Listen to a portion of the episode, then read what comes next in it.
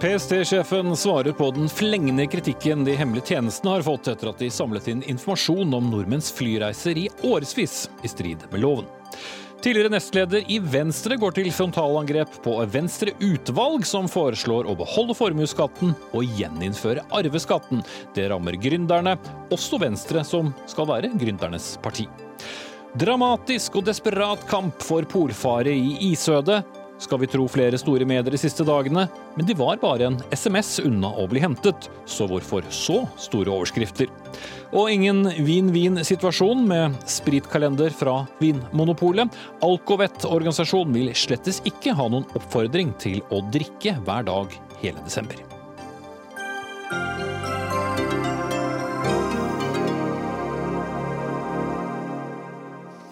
Fra pol til pol i fredagens Dagsnytt 18, altså. Riktig god kveld, jeg heter Espen Aas. Og senere i sendingen skal vi også innom en moské som vil dele ut tusenvis av koraner til folk flest, etter at organisasjonen Sian valgte å brenne en utgave i forrige måned. Men helt først i denne utgaven. EOS-utvalget, som har i oppdrag å passe på de hemmelige tjenestene, retter skarp kritikk mot eh, Politiets sikkerhetstjeneste i en eh, særskilt melding, som det heter, overlevert til Stortinget i går. PST har brutt loven over flere år ved å samle inn for mye informasjon om nordmenns flyreiser, mener utvalget. Blant annet ved å ha direkte tilgang til flyselskapet Norwegians system for billettbestilling, og også ha fått oversendt informasjon fra åtte andre flyselskap. Minst én million reisende har fått opplysningene sine registrert av PST. Og da PST-sjef eh, Hans Sverre Sjøvold, dette fikk PST beskjed om helt tilbake til 2014 at det ikke skulle gjøres, og hvorfor fortsatte PST? Eh, når det gjelder disse flypassasjerlistene som eh, den problemstillingen dreier seg om, så har det vært en uenighet mellom, mellom EOS-utvalget og PST når det gjelder hjemmelsgrunnlaget for å kunne innhente disse flypassasjerlistene. Og Så dere mente dere hadde rett til å gjøre det? Vi mente vi hadde rett til å gjøre det, og, men det har nok vært en, sånn, en, en rettslig situasjon i et grenseland. Eh, det som vi har gjort, er jo å bringe den saken videre, og den rettslige delen mener vi nå er avklart gjennom en endring i utlendingsforskriften. Ja, Hva betyr det nå, tok dere feil, eller? Det betyr at vi nå har anledning til å hente inn, inn disse dataene. Og i forarbeidene så, så, står det at vi også har hatt anledning til det tidligere. Men her er det en, en gråsone og en, en, uenighet om jussen, så det må vi akseptere. Mm. Så den uenigheten er der fortsatt? Den uenigheten er jo nå utkvittert, fordi nå har vi jo fått det hjemmelsgrunnlaget vi mente vi har hatt hele tiden. Men når det gjelder registrering av disse dataene og disse listene som vi da har fått fra flyselskapene, så mener jeg det er meget god grunn til å kritisere PST for hvordan disse er lagret. Og, og, og, dette med sletterutiner, og noe av det vi gjør nå, er jo også å lage et mye bedre regime rundt eh, nettopp disse flypassasjerdataene. og EOS-utvalget har også kritisert oss for eh, dårlig internkontroll, og det knytter seg vel bl.a. til eh, dette forvaltningssystemet, og det mener jeg også er høyst berettiget. Så en ting er nå at vi kan ha en uenighet om, om, eh, om regler her, men at det påpekes og at vi får eh, et tydelig beskjed fra US-utvalget, det mener jeg i denne sammenhengen her er riktig. Mm, så nå rydder dere opp og, og, sletter? Nå rydder vi opp, og vi har faktisk tatt timeout, slik at vi nå skal lage gode rutiner for dette her. Når det gjelder disse da dataene som PST har hatt tilgang til eh, fra bookingsystemet i, i Norwegian, så er det eh, hadde vi ikke anledning til det. det. Den kritikken mener jeg også er høyst eh, berettiget. Eh, så det er bare å legge seg flat i så måte. Eh, de dataene, dataene fra bookingsystemene til flyselskapene er, er viktig etterretningsinformasjon for, eh, for sikkerhetstjenestene. Og de aller fleste land i Europa har den tilgangen. Men vi er vel innforstått med at skal vi få ut informasjon om flypassasjerer og deres reiseruter og betalingsmåter, så må vi ha et, et hjemmelsgrunnlag. Og det, det, har vi ikke hatt i de tilfellene. Så her er det også bare å beklage det. Mm. Så PST, mm, hvis jeg forstår deg riktig, mener rett og slett å ha hatt litt eh, for begrensede muligheter til å innhente data i sin etterretning? Eh, I en ideell verden så skulle vi gjerne hatt tilgang til de dataene, men vi er en tjeneste som må forholde oss til de eh, rettslige rammer som gjelder. Og her har eh, Det var jo Norwegian selv som, som rapporterte denne saken videre til Datatilsynet. og vi har ikke hatt anledning til å hente inn den informasjonen, men vi håper jo at vi etter hvert kan få det rettslige grunnlaget. og det å få tilgang til bookinginformasjon er viktig i et etterretningsøyemed, fordi da får vi også vite om hvor personer flyr, eh, hvor de har eh, til hensikt å komme, lande, hvor rutene endres. Og, har, eh, og, De aller fleste land vi samarbeider med, har jo tilgang til denne informasjonen. Det er eh, USA, det kan være Canada, Mexico og mange EU-land. Og dette er jo da som sagt et EU-direktiv fra 2016, eh, PNR-direktivet som det heter. Hvor vi ikke Vi er ikke en del av EU, så vi må da eventuelt få dette implementert i norsk lov. Svein Grønnern, du er da leder av dette EØS-utvalget. Hvis vi skal se på alvorligheten, eh, hvordan vil du kommentere den på bruddene? Vel, eh, vi er jo ganske klare i uh, vårt språk i, i, meldingen. Vi ser på dette som, som ganske alvorlig. Og jeg tror ikke vi har avgitt eh, mange årsmeldinger eller særskilte meldinger opp gjennom årene hvor vi har brukt et så eh, klart språk som vi har gjort her. Mm. Men eh, folk kan jo muligens ha blitt eh, litt forvirret eh, nå over hva PST har anledning til, og hva de ikke har anledning til. Så hvor eh, mye data kan de samle inn? Det tror jeg man trenger flere Dagsnytt 18-sendinger for å gi et fyllest La oss da ikke det være detaljert, men jeg vil tro at folk eh, stiller seg spørsmålet hva de har tilgang til eh, hos f.eks. flyselskap om våre reisedata. Ja, altså eh, Det finnes måter for, der, der, PST kan be om opplysninger om, om hvem, som, hvem, som, reiser med, med, med, med fly. Eh, men da er det enkelttilfeller. Og man kan også gå til retten om å be, be om uh, tillatelse til å få Så Da må man ha en særskilt mistanke? Det, ja, Nå kommer du inn på spissfindige juridiske ting som jeg tror kanskje andre øh, skal svare på. Men det som gjorde at denne saken ble såpass spesiell som den var, det var at den hadde karakter av masseinnsamling. Altså Man tok ikke, tok ikke, den ene personen eller de få personene som er interessante sånn, i, når man etterforsker en sak, men man tok titusener, for ikke å si hundretusener. Og når det kommer til masseinnsamling, så, og rutinemessig eh, så er det iallfall på det rene at det ikke var noe hjemmelsgrunnlag for det. Mm. Også i mars så kritiserte EØS-utvalget PST for å, å, bryte loven. Opererer de hemmelige tjenestene for mye på egen hånd? EOS-utvalgets eh, e rolle det er jo å påpeke når en eller annen lov eller regel er brutt. Det kan jo gi inntrykk av eh, at eh, det er veldig mange brudd og en med det andre, men det er veldig viktig at man eh, betrakter dette ut fra de konkrete sakene som vi, som vi påstår, eller som vi bemerker, men, og at man ikke trekker ut dette i, i det vide og det brede. Og nå dreier det altså om en litt kritikkverdig behandling av flypassasjerinformasjon. Mm. Da setter vi eh, strek for uh, dere to, leder av EØS-utvalget Svein Gunneren og PST-sjef Hans Sverre Sjøvold. Vi har spurt justisminister Gøran Kalmyr fra Fremskrittspartiet om å stille i studio i dag. Han sier at departementet må få tid til å gjennomgå rapporten før han vil svare på EØS-utvalgets kritikk. Men vi har stortingsrepresentanter som har ankommet studio nå, og Petter Eide først fra Sosialistisk Venstreparti. Um, Hvilken skade gjør det egentlig at eh, PST har eh, innhentet eh, så store mengder data? Alvorlig skade, men først og fremst dette, har jo dette vært ulovlig. Og vi kan jo ikke akseptere at politiet opptrer ulovlig. Det svekker jo tilliten til politiet. Så det vil jeg jo si at denne skaden er veldig alvorlig. Så vil jeg si at vi i SV mener jo definitivt at politiet skal ha gode verktøy for å bekjempe terror. Vi må liksom ikke vi må holde fast ved det. Eh, men den, eh, de verktøyene de da bruker, må selvfølgelig være innenfor lovens rammer.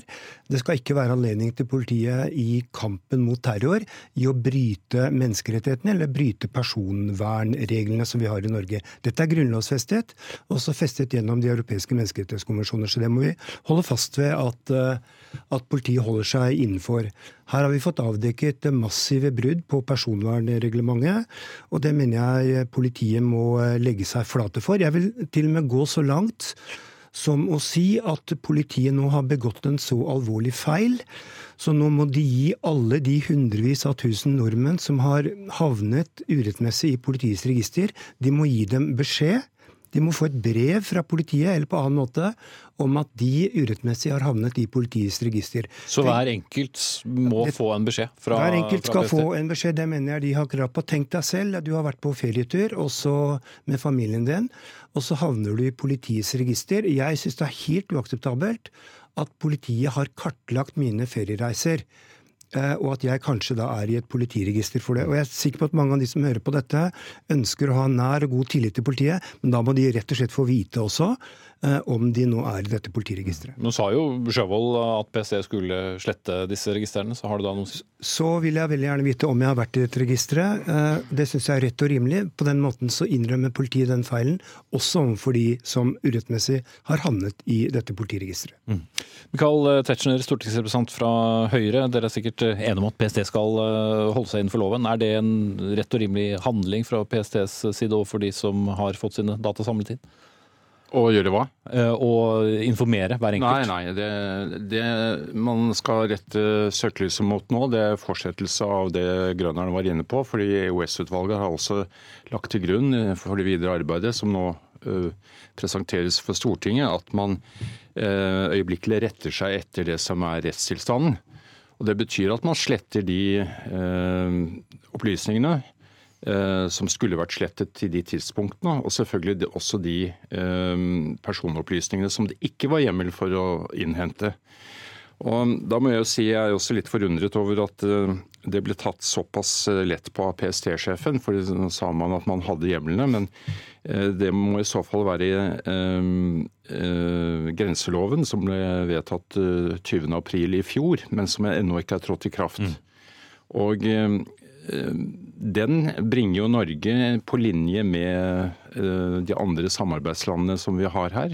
F.eks. innenfor Schengen-samarbeidet er det veldig viktig at vi har en måte å trygge grensene våre på. Nå har vi altså en lov som eh, innenfor de folkerettslige rammene som eh, Eide var opptatt av, så skal vi også ha en, en, et regime som gjør at det er lett å reise når du er uh, vanlig reisende, men at det skal uh, faktisk være vanskelig å, ha, å, å uh, drive grensekryssende kriminalitet, og at vi også må ha styr på ulovlig innvandring. Der har jo SV ikke vært så veldig opptatt av, ser jeg i debatten da, da denne saken men, om, om, grenseloven var til eh, debatt i Stortinget. Mm. Men bare for å konkretisere, du mener ikke det er noen grunn for at PST skal informere alle oss som eventuelt har havnet i deres register om at vi har havnet der ulovlig? Nei, fordi den skaden er i så fall skjedd. Jeg tror ikke noen vil føle at det er et overgrep i seg selv, men for hvert eh, Eh, hvis det da drøyer med å opprettholde en lagring som også EOS-utvalget e har eh, skal vi si, bemerkninger til, at det også har vært lagret på private servere hos eh, ansatte i E-tjenesten, så, så, er det selvfølgelig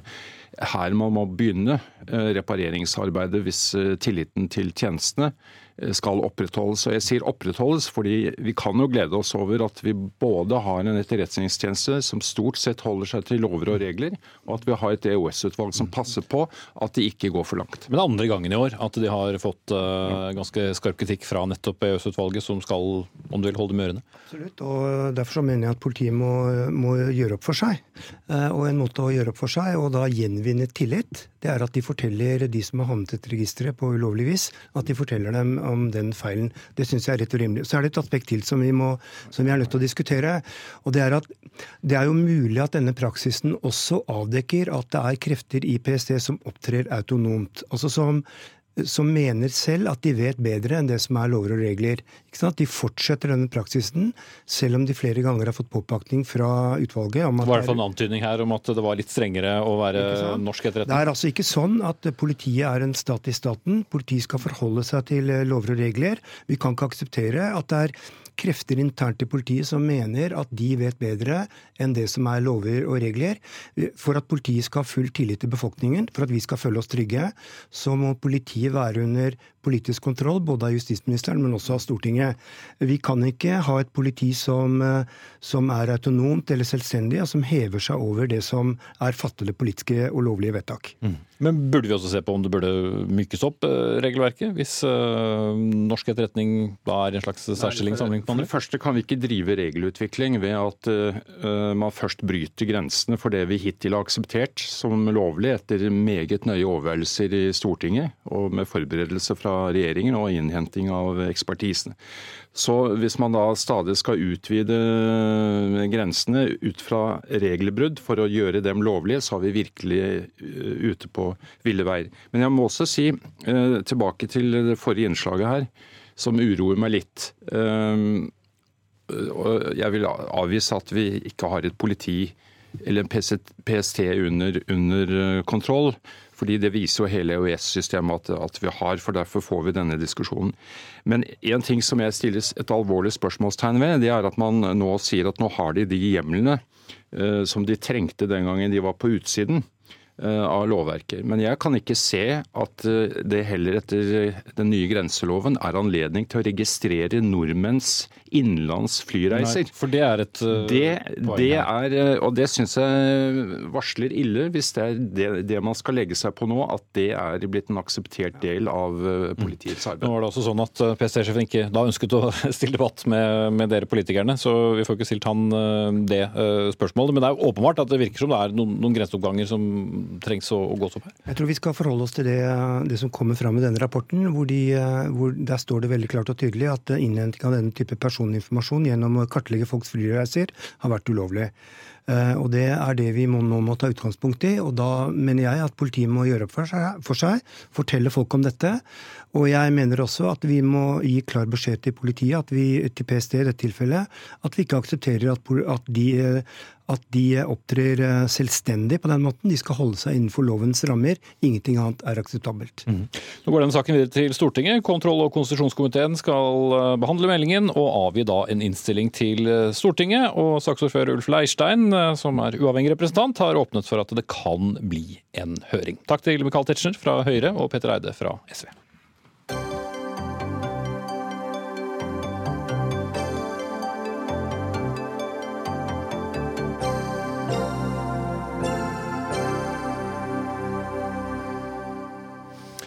Beveger eh, Venstre seg mot Venstre. Iallfall har en arbeidsgruppe i partiet Venstre snekret sammen et nytt forslag om partiets kommende bolig- og finanspolitikk for de neste to årene. Og Den innebærer, som Dagens Næringsliv skrev for en stund tilbake, å gjeninnføre arveskatten og beholde formuesskatten, noe som eh, er omstridt innad i den sittende regjeringen. Men eh, det er ikke bare i den sittende regjeringen dette er omstridt. Olaf Thommessen, administrerende direktør i Bedriftsforbundet. Du hoppet i stolen i morges da du hørte utvalgsleder Sondre Hansmark argumentere hardt for disse skattene i eh, Politisk kvarter i dette studio? Ja, jeg gjorde for så vidt det. Altså, først vil jeg bare si at vi heter SMB Norge. Vi har skiftet navn. Eh, og Vi representerer da liksom hverdagsnæringslivet i Norge, og det er stort sett hele norsk næringsliv. Dvs. Si at 90% av sysselsettingen i Norge er under 20 ansatte. Og det er liksom... meg kanskje forlede at eh, det står Bedriftsforbundet på nettadressen deres, men Ja, det er det ene er lett å la seg forlede av.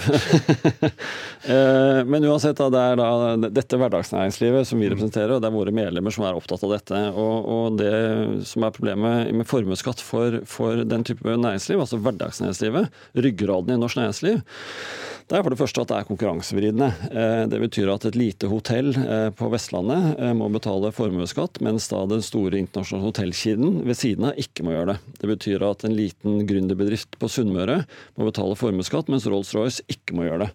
Så det er konkurransevridende i forhold til internasjonalt næringsliv i Norge.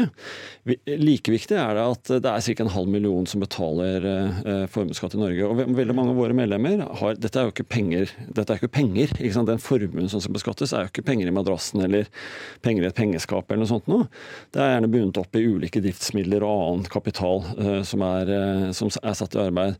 Og Veldig mange av våre medlemmer må ta opp lån hvert eneste år for å betale formuesskatten. Mm. Dette har ikke minst sammenheng med at på tross av at det har vært lettelser i formuesskatten nå de siste årene, så har, skatt, så har skattebetalingen økt som følge av Finansdepartementet har da satt helt nye verdisatser på den samme kapitalen. Mm.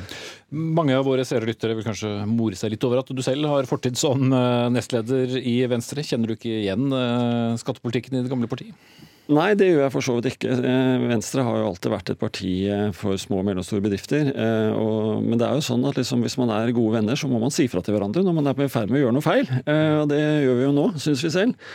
Så vi, vi, vi syns at dette er, er, uheldig. Bare si én ting til knyttet til, til Jeg vil heller bruke litt tid nå på din uh, motstander ja, ja. Sondre Hansmark, eh, leder av Unge Venstre, og også leder av dette utvalget. Smerter det litt når en gammel traver i partiet ikke helt uh, gjenkjenner politikken din? Jeg tror Thommessen har tatt litt mye Møllers tran. For det forslaget som vi har lagt fram her, er jo både næringsvennlig og arbeidslivsvennlig. Det handler om at vi skal ha et skattesystem hvor det lønner seg å skape arbeidsplasser, hvor det lønner seg å investere i, i verdiskapning, men hvor vi flytter litt av skattebyrden over på det som ikke skaper verdier, nemlig arv og fast eiendom og formue. Og det vi gjør her, De grepene vi tar, er egentlig å gjøre det som f.eks. OECD ber oss om å gjøre, nemlig flytte skattebyrden fra arbeid og verdiskapning over på fast eiendom, arv og formue. Vi har jo i Norge et ganske lavt skattenivå på disse objektene. Nå har man ikke en, en formuesskatt i, i, så mange andre land, men de skatter altså disse samme objektene. Sant? Hus og hytter og formuebanken. Må betale skatt på eierandel, bare at det heter ikke formuesskatt. Ja, de betaler en ganske mye høyere skatt på det enn det vi gjør i Norge. Og det viser seg at selv i Storbritannia og USA, som har høyere skatt på disse objektene enn vi har, der klarer de å skape arbeidsplasser, eh, de også. Og det handler om at Vi skal ha et rettferdig skattesystem som fordeler byrden på en rettferdig måte. Og jeg mener at Det viktigste vi kan gjøre da, hvis vi skal ha mer sysselsetting og mer arbeid i Norge, det er å kutte skattene for de som har minst. For det vet vi påvirker hvor mye de ønsker å jobbe. Så hvis jeg skal prioritere skattelette, og Venstre går til valg på at vanlige folk skal få mer skattelette, så er dette mer fornuftig å gjøre det på enn å skutte skatten til de som har mest fra før. Kristin Clemet, eh, lederen av Civita, skrev i dag at eh, argumentasjonen din for skatten den kunne likså godt kommet fra Arbeiderpartiet. Ja, det er jeg helt, enig. Nei, helt uenig fordi uh, Vi går jo til valg på å redusere skattene for de som står i jobb, f.eks. de som er nederst på inntektsstigen. Og så går vi også til valg på Vi holder jo på å diskutere nå hvilket bunnfradrag bør man ha hvis vi skal ha en formuesskatt i Norge i fremtiden. Og Der er jeg åpen for at vi kan ha ganske rause bunnfradrag som skjermer vanlige folk, og som skjermer små, eh, skjermer små og mellomstore bedrifter. Så formuen skal være ganske stor før det mm, slår ja, det er inn en skatt? Vi ser på, sant? Men det jeg er opptatt av, er at i dag så er det jo på en måte 77 av Norges 100 rikeste har arvet formuen sin. Vi vet at formuesulikheten i Norge vokser. Og problemene med å få altfor stor økonomisk ulikhet i et samfunn er at det fører med seg en del problemer. Den sosiale tilliten mellom folk forvitrer. Vi får mer kriminalitet, mer helseproblemer, og den økonomiske veksten blir lavere. Så Derfor har jo også ditt forbund en interesse av at vi skal ha et samfunn med små økonomiske forskjeller, for det er godt for økonomisk vekst. Ja, altså det, Her kommer det veldig mye holdt på å si, godt gjennomtenkt argumentasjon, men det du glemmer, det er på en måte hverdagen for den enkelte næringsdrivende i Norge. Og så er det nesten en halv million mennesker som rammes av den formuesskatten. Det er altså ikke de 100 rikeste. De 100 rikeste, de fleste av dem investerer på, i ny virksomhet. Men det er kanskje like viktig, et poeng som det jeg prøvde å ta i sted, det er at eh, det som jeg tror både Venstre og de fleste andre partier er opptatt av, det er jo nyskaping og gründervirksomhet og, og, og, hva vi skal leve etter oljen osv. Og, og det du vil da se, det er at veldig mange gründerselskaper har en verdsettelse i, i, i, selskapet som ikke reflekterer inntektene i selskapet, men det verdsettes basert på en forventning i selskapet som det da må betale formuesskatt på. Eh, som det virkelig ikke har, for det selskapet har ikke likvider, og det har ikke gründeren. Det innebærer at liksom store eh, selskaper som vi ser i Sverige, som har mange flere eh, internasjonale gründerselskaper enn det vi har i Norge. Eh, som følge av dette, det vil du ikke da få i Norge. Du får, vil ikke få den nyskapningen som følge av den formuesskatten. Eh, og igjen, tilbake til de 100 rikeste som du snakker om. Det er altså en halv million mennesker som betaler den formuesskatten. Og det er et mekanisk verksted på Ørsta. Det er et lite hotell på Vestlandet.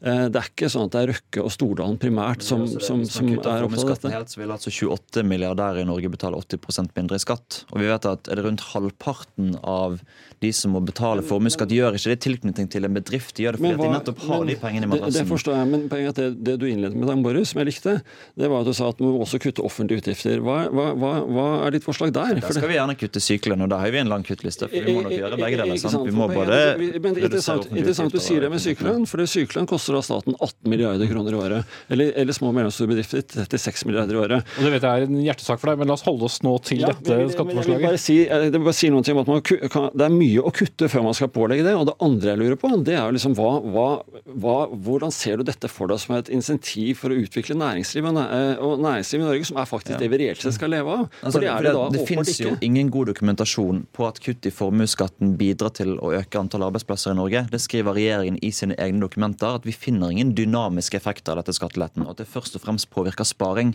Og så har man jo spurt sant, de 25 høyest rangerte økonomene i dette landet hvilke skatter er det fornuftig å kutte. Og så er det to av de som svarer at det var fornuftig å kutte arveavgiften, og tre av de som svarer at det var fornuftig å kutte i formuesskatten.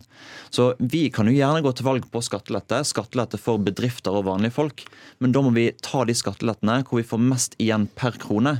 Og når vi har senket selskapsskatten med 6 prosentpoeng, så har det vært et bra skattelette. Når vi har senket inntektsskatten, så har det vært et bra skattelette. Men det å redusere formuesskatten for de som har mest i dette samfunnet, mener jeg er et dårlig skattelette. Jeg må sette punktum der, eh, er jeg redd. Eh, Takk til Sondre Hansmark, leder av Unge Venstre og leder av utvalget, og Olaf Thommessen, eh, administrerende direktør i SMB Norge.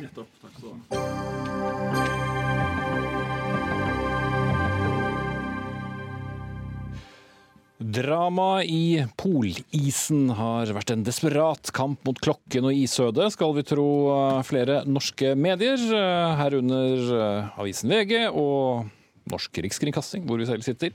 Men eh, denne farefulle ekspedisjonen til Børge Ausland og Mike Horn kunne vært eh, unngått med en SMS til Sysselmannen. Ja, det er en tynn linje mellom PR og heltedøden, skriver du, redaktør i Dagsavisen Lars eh, West Johansen. Det er, jo ikke, det er jo ikke bare som å gå utenfor døren, det de holder på med, da. Nei da, på ingen måte. Jeg er glad det ikke er meg. Men uh, samtidig så forteller eh, mediene en historie om denne turen eh, som ikke stemmer med virkeligheten. For man får inntrykk av at det nå er nesten håpet ute, vi er tomme for mat, det står om liv og død.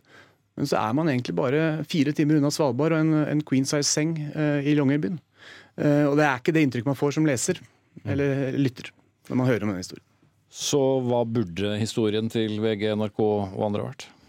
Eh, Den burde vært mer balansert. Man burde vært åpnere på at jo, eh, selvfølgelig er det dramatisk, men der står ikke om liv og død. Eh, Hvis man tar en telefon til Sysselmannen på Svalbard, som jeg gjorde i dag, så sier de at vi står klare. Om fire timer så er de tilbake her på Svalbard. Det er ikke inntrykket som mediene gir. Vi har invitert nyhetsredaktøren i VG hit. Hun hadde ikke mulighet til å stille, men det var jo enda kortere å ta tak i programredaktør i NRK, Espen Olsen Langfelt. Vi har også dekket denne saken. Klikker folk godt på denne historien? Det er klart det at eh, polarekspedisjoner eh, klinger godt hos det norske folk. Det er en stor interesse knyttet til dette, ja. Og forteller vi riktig bilde? Ja, Vi får håpe det. Vi, vi har jo begrenset med kilder. eh, Den kilden som sitter ved siden av meg her, da. Og vi får jo forholde, håpe at de gir et riktig bilde av situasjonen. Det er et journalistdilemma når vi har så få kilder. Eh, Men jeg mener at vi i NRK har stilt eh, de kritiske spørsmålene som eh, er nødvendige, og som også har vært bakgrunnen for denne kronikken til, til Lasse Bess Johnsen. og det er grunnen til at vi sitter her. Vi har gjentatte ganger spurt, spurt de om hvor, hvor dramatisk det er. Men at det er et drama, er jo hevet over enhver tvil. Johnsen. Ja, det er jo drama fordi de som eh, er tjent med at det er et drama, uh, forteller at det er et drama til seerne, som opplever dette dramatisk. Uh, og det er jo en lang tradisjon i Norge for eh, polare historier. Vi har jo nasjonale helter. Det er nesten nasjonsbyggere. Nansen uh, og Amundsen og Johansen. Um, så det er klart at dette er kjempegodt stoff. Men det er en boble. Fordi de er altså eh, Dette er et selvvalgt univers de er i. Og bakteppet er liv og død, men de er altså bare ja, en flytur på to timer unna Svalbard. Så det er ikke dekning for eh, overskrifter som 'desperat kamp i isødet', 'på tynn is i Polhavet', 'drama i Nordishavet', 'desperat kamp mot klokka' osv. Jeg liker den, spesielt den siste, 'Desperat kamp mot klokka'. Den er, eh, den er veldig spesiell. Eh, jeg kom på en formulering der på vei opp hit i stad. Dette er egentlig en TV-redning, som vi sier i fotballen. Hvor du kaster deg for at publikum ser ut som det er spektakulært, men du kan egentlig ta et steg til sida og så bare dempe ballen. Så det er en, en TV-redning. Ja, Da får vi gå til denne kilden som eh, Espen Olsen Langfeldt nevnte, nemlig deg, eh, Lars Ebbesen, ekspedisjonsleder. Eh, Ja, hvordan vil du sammenligne dekningen av det som skjer, og den kunnskapen du har om den?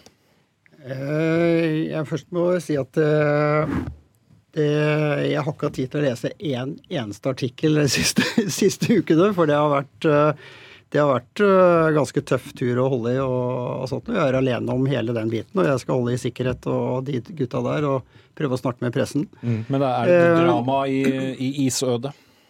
Ja, altså der kommer det litt grann an på eh, hvem som snakker. Eh, Vi er jo i en, eh, i en business hvor eh,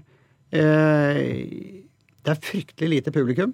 Eh, Og hvor vi skal klare oss selv, og det er hele greia. Og, og det er den biten vi, eh, vi liker. eh, Og, og, og trives med. Og det er klart at når vi snakker om drama her, så er det jo det vi ser på drama, det er liksom det vi liker ved det. At vi blir kasta på ting som, som vi så skal takle. Og eh, prøve å Selvvalgt drama. ja, selvvalgt drama, eh, hvor, eh, hvor hele greia er hva, hva klarer du eh, å stå imot, og klarer du å møte de vanskelighetene du har, med en positiv greie istedenfor sånn de fleste er sånn bare 'Å nei!' ikke sant? Du bare sier så kjenner du blodet forsvinner ut.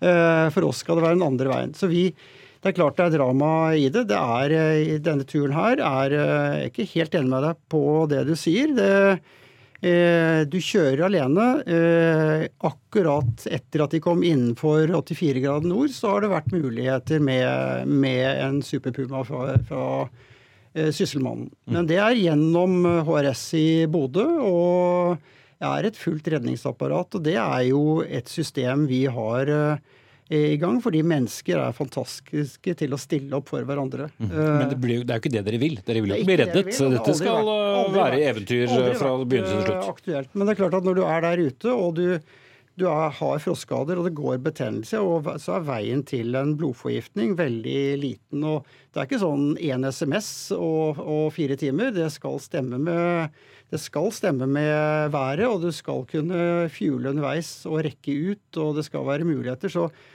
selv på Grønland når vi har turer der, så, så vet vi aldri om det er, eh, når vi har problemer, om det er om fire timer eller fire dager eller syv dager til redning kommer. Har du avdramatisert det litt for mye i din kronikk, eh, Johnsen? Om jeg avdramatiserte? Eh, nei, det er klart at det å være på, i disse strøka her er vanvittig. Det er en kjempepåkjenning. Og vi hadde dødd alle vi tre, eller vi fire som sitter i studio her, garantert. Enten i råken eller av kulda eller hva som helst. Eh, nei, det er klart det er et drama.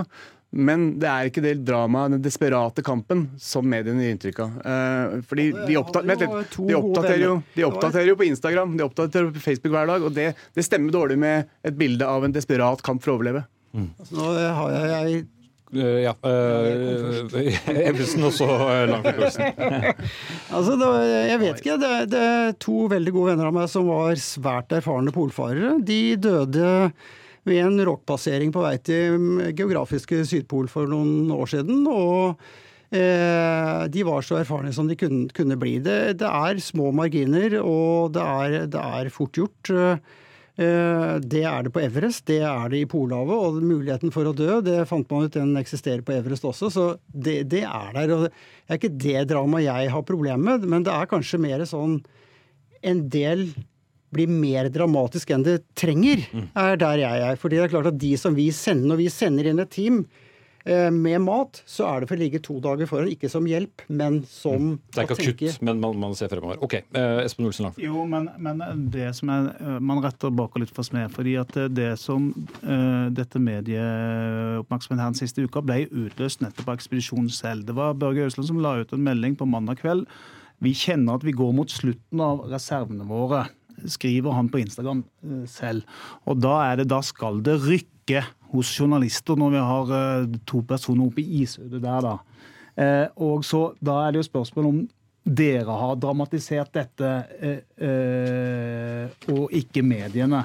Så må vi huske på at er, dere har jo kommersielle interesser og har oppmerksomhet rundt den ekspedisjonen også. Det, det har vi, eh, og vi er veldig takknemlige for alt det. Og det er bare å sende regning. Men eh, eh, det som er greia, de gutta der, de sender ingenting. Altså vi, Når vi forteller Børge at ja, det er faktisk blitt en del virak, så er det sånn Ja, når var det du sa vinden snudde til 30 grader? ikke sant? Det, de, det går ikke inn på Instagrammen gjøres av andre, alt gjøres av andre. De prøver å sende over et par bilder over, over satellittelefonen, og det er det de gjør. Ellers så er de i bobla. Mm. Og mange av det er lydfiler som det er tatt ut små snutter av, ikke sett eh, egentlig. Og der tror jeg du har et poeng at man trekker ut den lille biten som man gjør mye ut av. Mm. Ja, for jeg som TV-seer på onsdag kveld det var, Dette er jo dette her det begynte. Det, det, var, det var, Kveldsnytt eller noe på NRK. og Da, da sier altså Børge Øsland med litt sånn groggy røst Det er fremdeles usikker hvordan dette kommer til å gå, men det er fremdeles håp. Dagen etterpå så er du på radioen på morgenen på P2 på nyhetssendinga der og sier at nei, helikopter er ikke aktuelt før det er krise. Og det klasjer for meg, og da tror jeg lesere, lyttere, føler seg litt lurt. Ja, altså Når, når Ausland sier det, så trekkes det ut av, uh, ut av den hele sammenhengen. Ressursene er det å nå frem til en. Han tenker jo end result på, på, dette her, og det er klart at det går jo mot slutten med nesten 90 dager i, i dette her. Eh, når jeg sier at eh, jeg forteller om Sysselmannen, er fordi vi eh, vi er ekstremt imponert, og det har vi fått et nærkontakt med, hvor ufattelige ressurser Norge har, og kunnskap, i Sysselmannen, i Kystvakta, i HRS i Bodø og sånt noe, som velvillig har kommet frem og gitt råd og hjulpet oss. Men Er det litt historien, da? To eventyr legger ut på, på tur og kan fort legge beslag på mye hjelp? Ja, men det har jo da ikke skjedd, eh, og det er litt av vitsen. Men det som vi ser, er at ved at de følger med, så kan vi tilføre dem kunnskap og sånt. Og det gjelder også forskningen. at eh, de ser bilder, men de vet ikke hvor dyp isen er. Og vi kan si gjennom Børge at den er 60 eller 80 eller 90. Så, så, så det, det, er, det, er, et spill som har vært som Så hvis du skal gi en helt uh, objektiv fremstilling, hvor, hvor dramatisk er de i Sød akkurat nå? Har de det bra? Akkurat nå hvor de står 150 med hverandre med en, med en råk som, eh, som, etter hva jeg skjønner er nesten umulig å forsere, så er det klart at eh, nå er det en sånn mulighet for å gjøre en feil.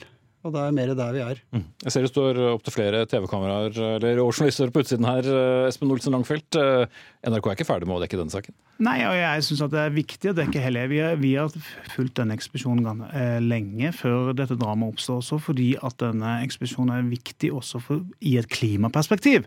Fordi at vi får en øyenvitneskildring om hva som skjer i polområdene akkurat nå.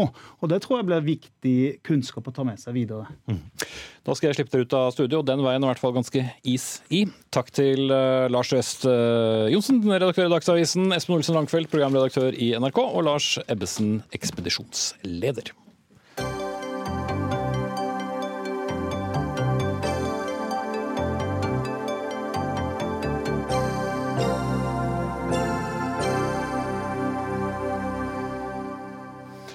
Som et uh, svar på den mye omtalte koranbrenningen til Sian i forrige måned, ønsker nå to muslimske foreninger og et trossamfunn å dele ut Koranen til nordmenn. Det var som kjent uh, under et arrangement i Kristiansand at uh, denne organisasjonen valgte å sette fyr på muslimenes hellige bok, og denne handlingen satte mange sinn i kok, både her hjemme, men også i flere andre land. Og Hamza Ansari, du er styremedlem i den norsk-pakistanske moskeen eh, Minjai ul Quran, som jeg sikkert uh, uttalte dårlig nå, jeg hadde øvd, men uh, sånn gikk det med det. Hva ønsker dere å oppnå? Dere skal altså dele ut 10 000 eksemplarer av Koranen. Altså, Koranen har vært tett debattert de siste ukene. Og det er som du sier pga. koranbrenningen i Kristiansand for noen uker siden. Det har satt veldig mange følelser eh, i sving, eh, og veldig mange sterke reaksjoner fra flere hold. Det som har vært viktig for oss, er å prøve å kanalisere disse følelsene inn til noe konstruktivt og nyttig i denne debatten her. Og vi tenker at vi kan gjøre det gjennom informasjonskampanje, som vi eh, tenker å gjøre gjennom denne aksjonen her. Fordi jeg tror vi er med på å senke temperaturen og på en måte demystifisere Koranen som en bok for veldig mange, en hellig bok for muslimer. Eh, og det vil være med på å bidra til å invitere til dialog og en konstruktiv samtale og debatt og kritikk for de som er interessert i det. Mm. Men er det først og fremst eh, det mystiske om du vil da, med Koranen som er eh, poenget? Er ikke også en del av kritikken da mot helt andre mm. følgere av Den mm. hellige bok enn det du representerer, men langt mer konservative og ekstreme miljøer? Jeg jeg tror gjennom dette arrangementet og dette prosjekt, denne, prosjekt, eh, denne, mm, aksjonen her, så ønsker vi å invitere til debatt og samtale. Vi begynner med blanke ark. Og vi, vi eh, hadde, vært, eh, hadde vært formålet å drive med misjon, så hadde vi hatt et helt annet utgangspunkt. Og vi ønsker en sunn debatt velkommen, men det skjer ikke når man er i skyttergravene og motpolene vokser sånn som de gjør. Da blir det bare en ond sirkel som det er vanskelig å komme ut ifra. Mm. Linda Nord, du er daglig leder i den minoritetspolitiske tenketanken Minotenk. Var dette et godt svar på koranbrenningen gjør oss alle litt eh, klokere ved å dele ut eh, Koranen? Eh, jeg syns jo det er kjempefint tiltak, og alt som er dialogorientert og som ønsker å oppmuntre til, til, saklige og gode samtaler støtter jeg fullt ut. Jeg er litt kritisk til å gjøre det som et svar til akkurat den type provokasjon, fordi jeg er er litt redd for at ved å gi eh, den type provokasjoner oppmerksomhet, så for det første så gjør man det de som utførte disse handlingene ønsker. Det er jo derfor de gjør, eh, gjør det. De ønsker å provosere så mye som mulig. De ønsker eh, å få eh, folk i skyttergravene. Eh, men også at vi kanskje også da kan få flere sånne hendelser, fordi at vi, vi um, har det gående. Men jeg tror at den tilnærmingen som dere legger opp til, at det er en invitasjon til dialog, til debatt, til mer åpenhet, at det kan man jo prøve å overskygge eh, disse negative hendelsene, som jeg helt klart mener er lurt å ignorere så mye som mulig. Mm, Men samtidig så var det jo akkurat det Sian sa. Det de aller helst ønsket, var jo å diskutere islam. Det var det ingen som ville, så derfor så satte de hele fyr på boken.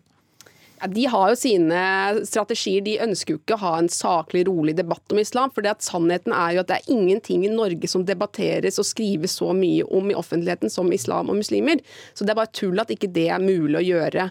Men de ønsker jo å ha debatter om ganske antidemokratiske temaer, eh, som det egentlig er ganske vanskelig å, å møtes på like fot på, fordi premissene er såpass problematiske. Ja, Sian er jo ikke her, så vi kan ikke gå inn i, i for mye i den argumentasjonen. Eh, men det var i hvert fall det som de sa i forbindelse med, med brenningen. Men eh, Hamza du tror ikke det kan gå andre veien? da? Det er jo ikke alle som liker å nødvendigvis bli dyttet på en religion, enten den er eh, din eller de som får en, en bok av helt andre religioner på gaten? Nei, og Nå handler det ikke om å dytte på noen religion. det er nettopp som jeg sier at Hvis vi hadde hatt det som intensjon, hadde vi hatt et helt annet utgangspunkt. Og Jeg er helt enig i at uh, organisasjoner som Sian, som er ganske små, uh, ikke bør vies noe oppmerksomhet. Og Jeg trodde personlig at dette, de, kom, de, ikke ville få det denne gangen, men jeg tok gråt feil.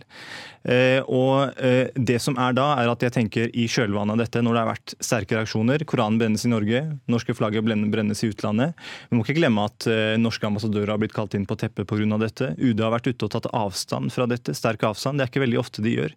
Det betyr at det har vært veldig sterke reaksjoner der. Og spørsmålet er da hvem er det vi vil skal styre denne reaksjonsflommen? Ønsker vi ansvarlige organisasjoner og muslimske trossamfunn som er synlige og styrer dette og har et anstendig svar på det, eller ønsker vi løse kanoner som skal styre denne responsen? Mm. Men hvis du da stopper meg på gaten og, stapper en koran i, i hånden på meg, hva, hva, tenker du at jeg skal få ut av den? Nei, det er ikke det som er hensikten. Det er, dette er en invitasjon til alle interesserte, nysgjerrige, alle som ønsker å bidra til å styrke Du skal jo dele ut en bok, så det jo, må jo være poenget. Jo, men det er ikke, vi skal ikke tvangsfòre noen med en bok. Alle som, ønsker, alle som er interessert, kan få, en, kan få, et eksemplar. Jeg tror veldig mange, jeg tror, jeg, Som jeg sa, jeg tror Sian og disse organisasjonene er veldig små, men jeg tror dessverre så er det sånn at vi har et samfunn i Europa, Norge også generelt, som er veldig Det begynner å bli mye mer fordommer, mye mer hat. Det er så mye at man må utrede og lage en ny handlingsplan mot muslimer. Ny og helt, helt ny, da, det har ikke vært før. Eh, og Det betyr at vi eh, må være med på å krympe disse avstandene. Eh, og jeg tror et slikt prosjekt med mange andre prosjekter vil være med på å gjøre nettopp det. Mm. Hva tror du Linda Nord, man ville fått ut av dette? Jeg tror at all type form for dialog og åpen debatt er bra. Og jeg tror at eh, vi må avmystifisere islam. Og det må også mediene være med på. fordi at mediene er jo ofte også veldig glad i konfliktfylt stoff om islam og muslimer.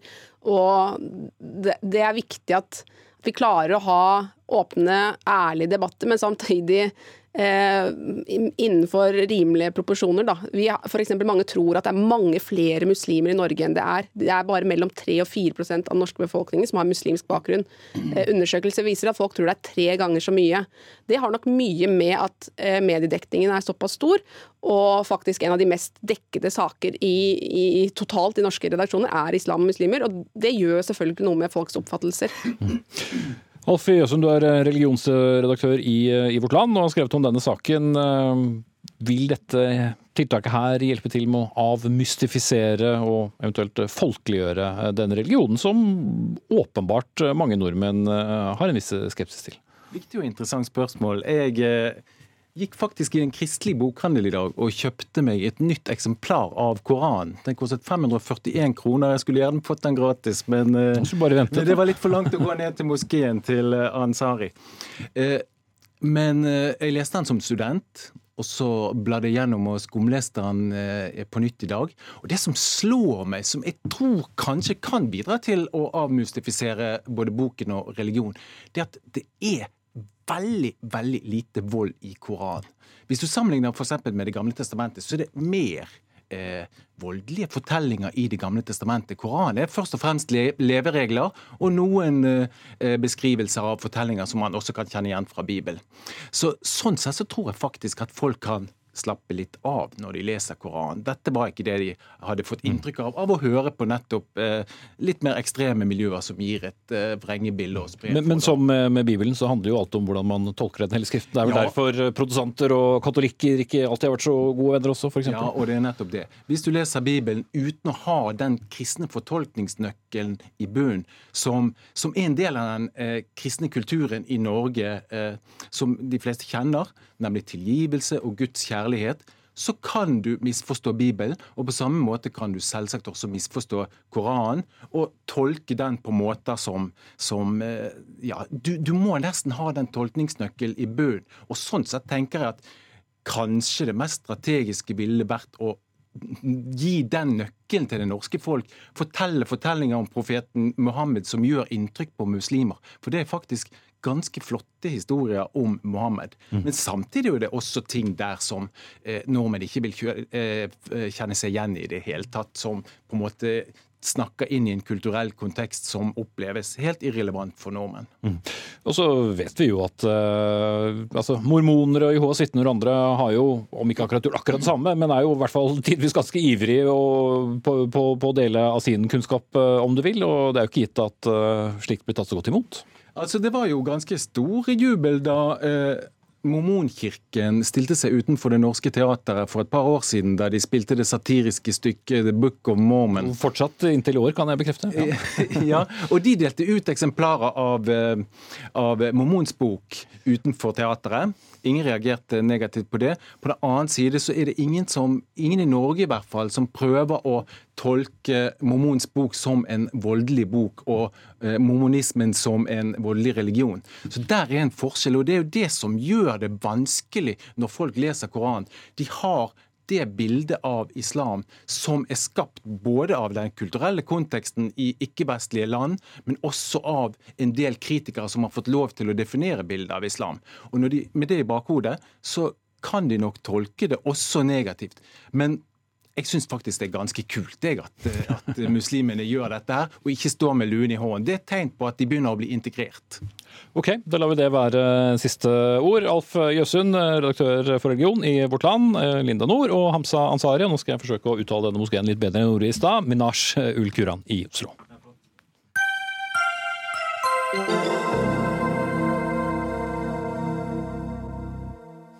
Hva fikk du i adventskalenderen eh, i dag? Noe med alkohol, eller var det en liten sjokolade som eh, bare smakte papp?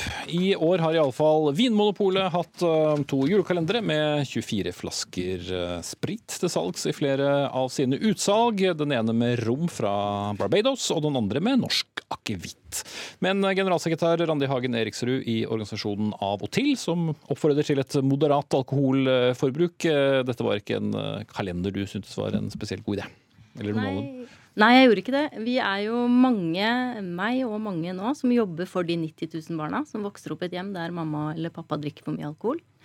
Eh, og for de barna så tenker jeg at denne kalenderen er uheldig. Det er en kalender som ser ut som de kalenderne vi kjenner med leker og sjokolade i, eh, men som bak disse 24 eh, lukene da, så skjuler det seg en flaske akevitt. Og det tenker jeg er problematisk at det selges hos Vinmonopolet. Men tror du først og fremst det er disse foreldrene som velger å bruke penger på en adventskalender, hvis de først og fremst er interessert i å drikke alkohol? For meg så handler det om signaleffekten det sender til disse barna. Altså Det er 90 000 barn. Det, vi snakker én av ti barn i Norge, så det er ikke bare noen få barn som rammes av dette, og som har et alkoholproblem. Og når Vinmonopolet tilgjengeliggjør en sånn kalender, eh, som på en måte ufarliggjør og normaliserer alkoholbruk i en måned hvor vi allerede drikker mye alkohol, så syns jeg det er problematisk. Men er det, kan, du kan vel ikke påvise en direkte sammenheng likevel med de 90 000 barna og, og hvordan eh, polet eventuelt velger å å pakke inn alkoholen de har lov til å selge? Nei, det kan jeg ikke gjøre, men jeg tenker at det er viktig. Alkohol, Vinmonopolet er jo en veldig viktig aktør i Norge for å holde et ansvarlig alkoholsalg.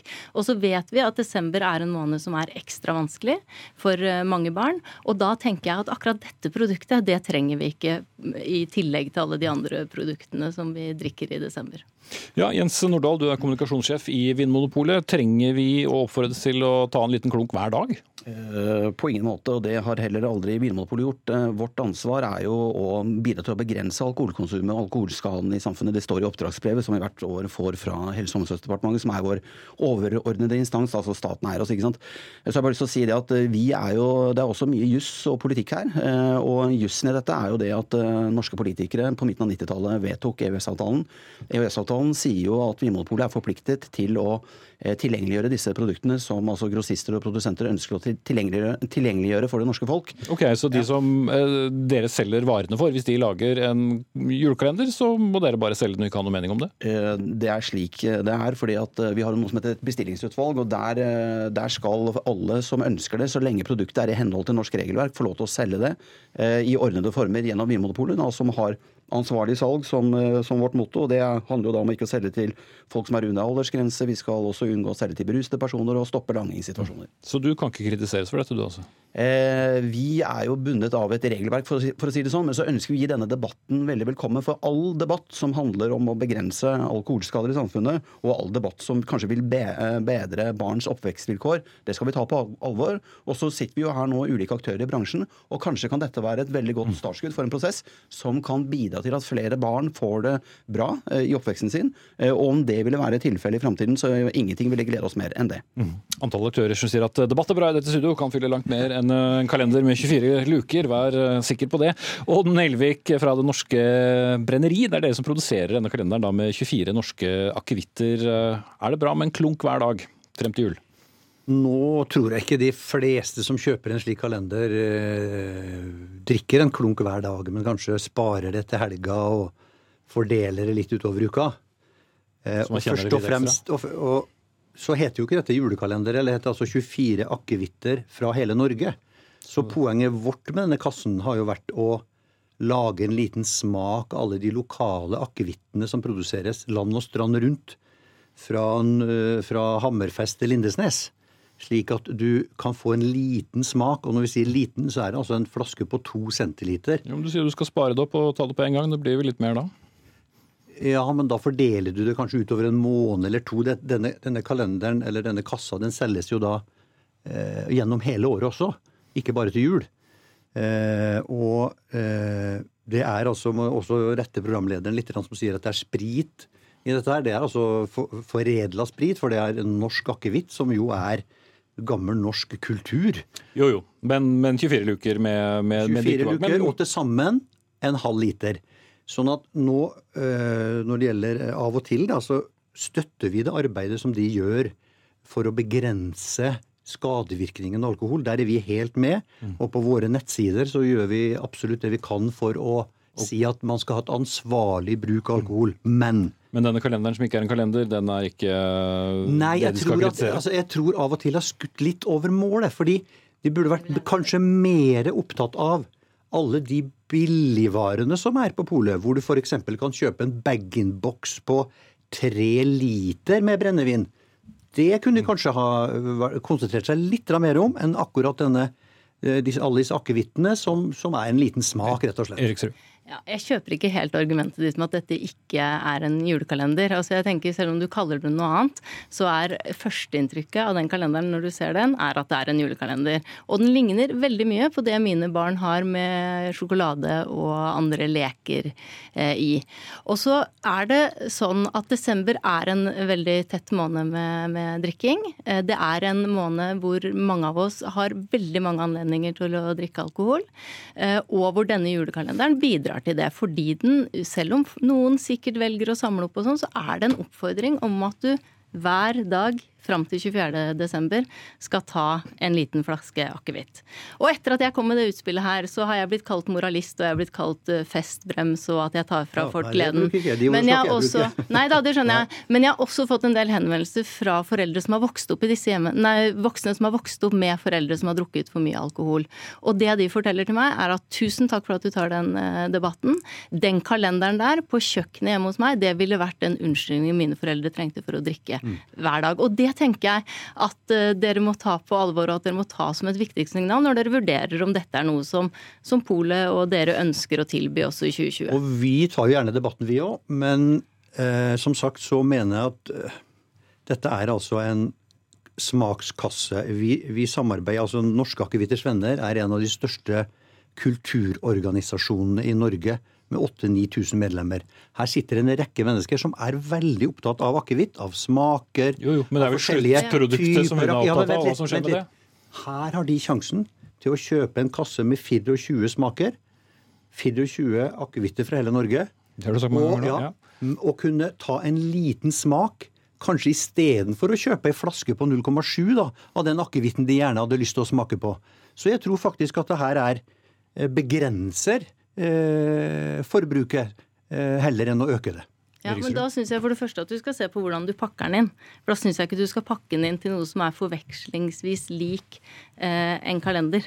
Ikke sant? Små smaksprøver, ja vel, kanskje det funker, men lag det ikke til en eh, julekalender. For det er det det oppfattes eh, som eh, nå, og det er det som sender en veldig uheldig signaleffekt inn i en desember som allerede er fuktig nok. Men hvem appellerer dere først og fremst til, da, Nelvik? Vi appellerer med denne eh, kassen her til eh, folk som er opptatt av eh, akevitt, som er altså det norske nasjonalbrennevinet som vi har drukket i hundrevis av år. Mm. Men kan bli godt på å snurre Nei. har jeg merket meg. Det kan du. Men poenget mitt er at hvis vi vil den der kraftige fylla til livs, da, så bør vi kanskje være mer opptatt av de store volumene. Altså det er en halv liter, dette her. To centiliters flasker, til sammen en halvliter. Og den er ganske dyr òg. Så de som virkelig vil drikke, de, de, de velger jo noe som er billig. Og de kan altså kjøpe vodka eh, tre liter til en tusenlapp. Da begynner, da begynner vi liksom å eh, kunne snakke edruskapsarbeid. Går det for bredt ut, eh, Eriksrud, og, angriper Nei, jeg eh, føler ikke det. Og jeg, jeg tenker at i det du um, snakker om at det er en sofistikert måte å drikke på, det er norsk kulturarv og sånn, så er det også viktig å vite det at vi har en litt forenkla forestilling om hvem som har et alkoholproblem i Norge. Og at vi tenker at det er den tradisjonelle alkisen som står på på hjørnet. Men det er barn i alle samfunnslag i Norge som rammes av at foreldre drikker øh, for mye.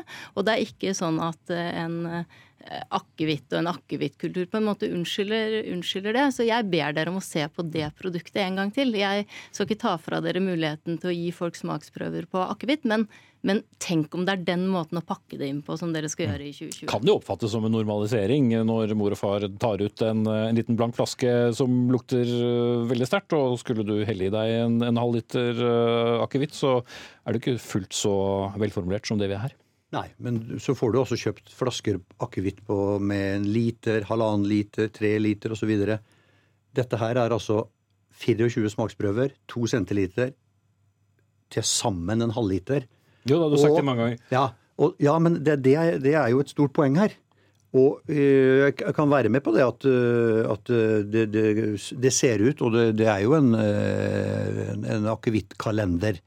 Men sånn som vi vet at den brukes, så brukes den jo ikke av de fleste at man liksom plukker ut en hver dag, men når man sparer til helga, setter seg ned med god mat Og akevitt er jo faktisk en av de brennevinene som okay. brukes til god mat, og til god norsk tradisjonsmat. Og her får du altså testa ut. Sa Odd Nelvik fra Det Norske Brenneri. Vi hørte også Jens Nordahl, kommunikasjonssjef i Vinmonopolet, og Randi Hagen Eriksrud, generalsekretær i Av og til. Hadde vært en vinkalender, skulle hun avsluttet med å si at det ikke var noen vinn-vinn-situasjon. Jeg må la være å gjøre det, sa du visst likevel. Ansvarlig for sendingen, Anne Katrine Førli. Teknisk ansvarlig, Finn Lie. Jeg heter Espen Aas. Vi ses og høres over helgen.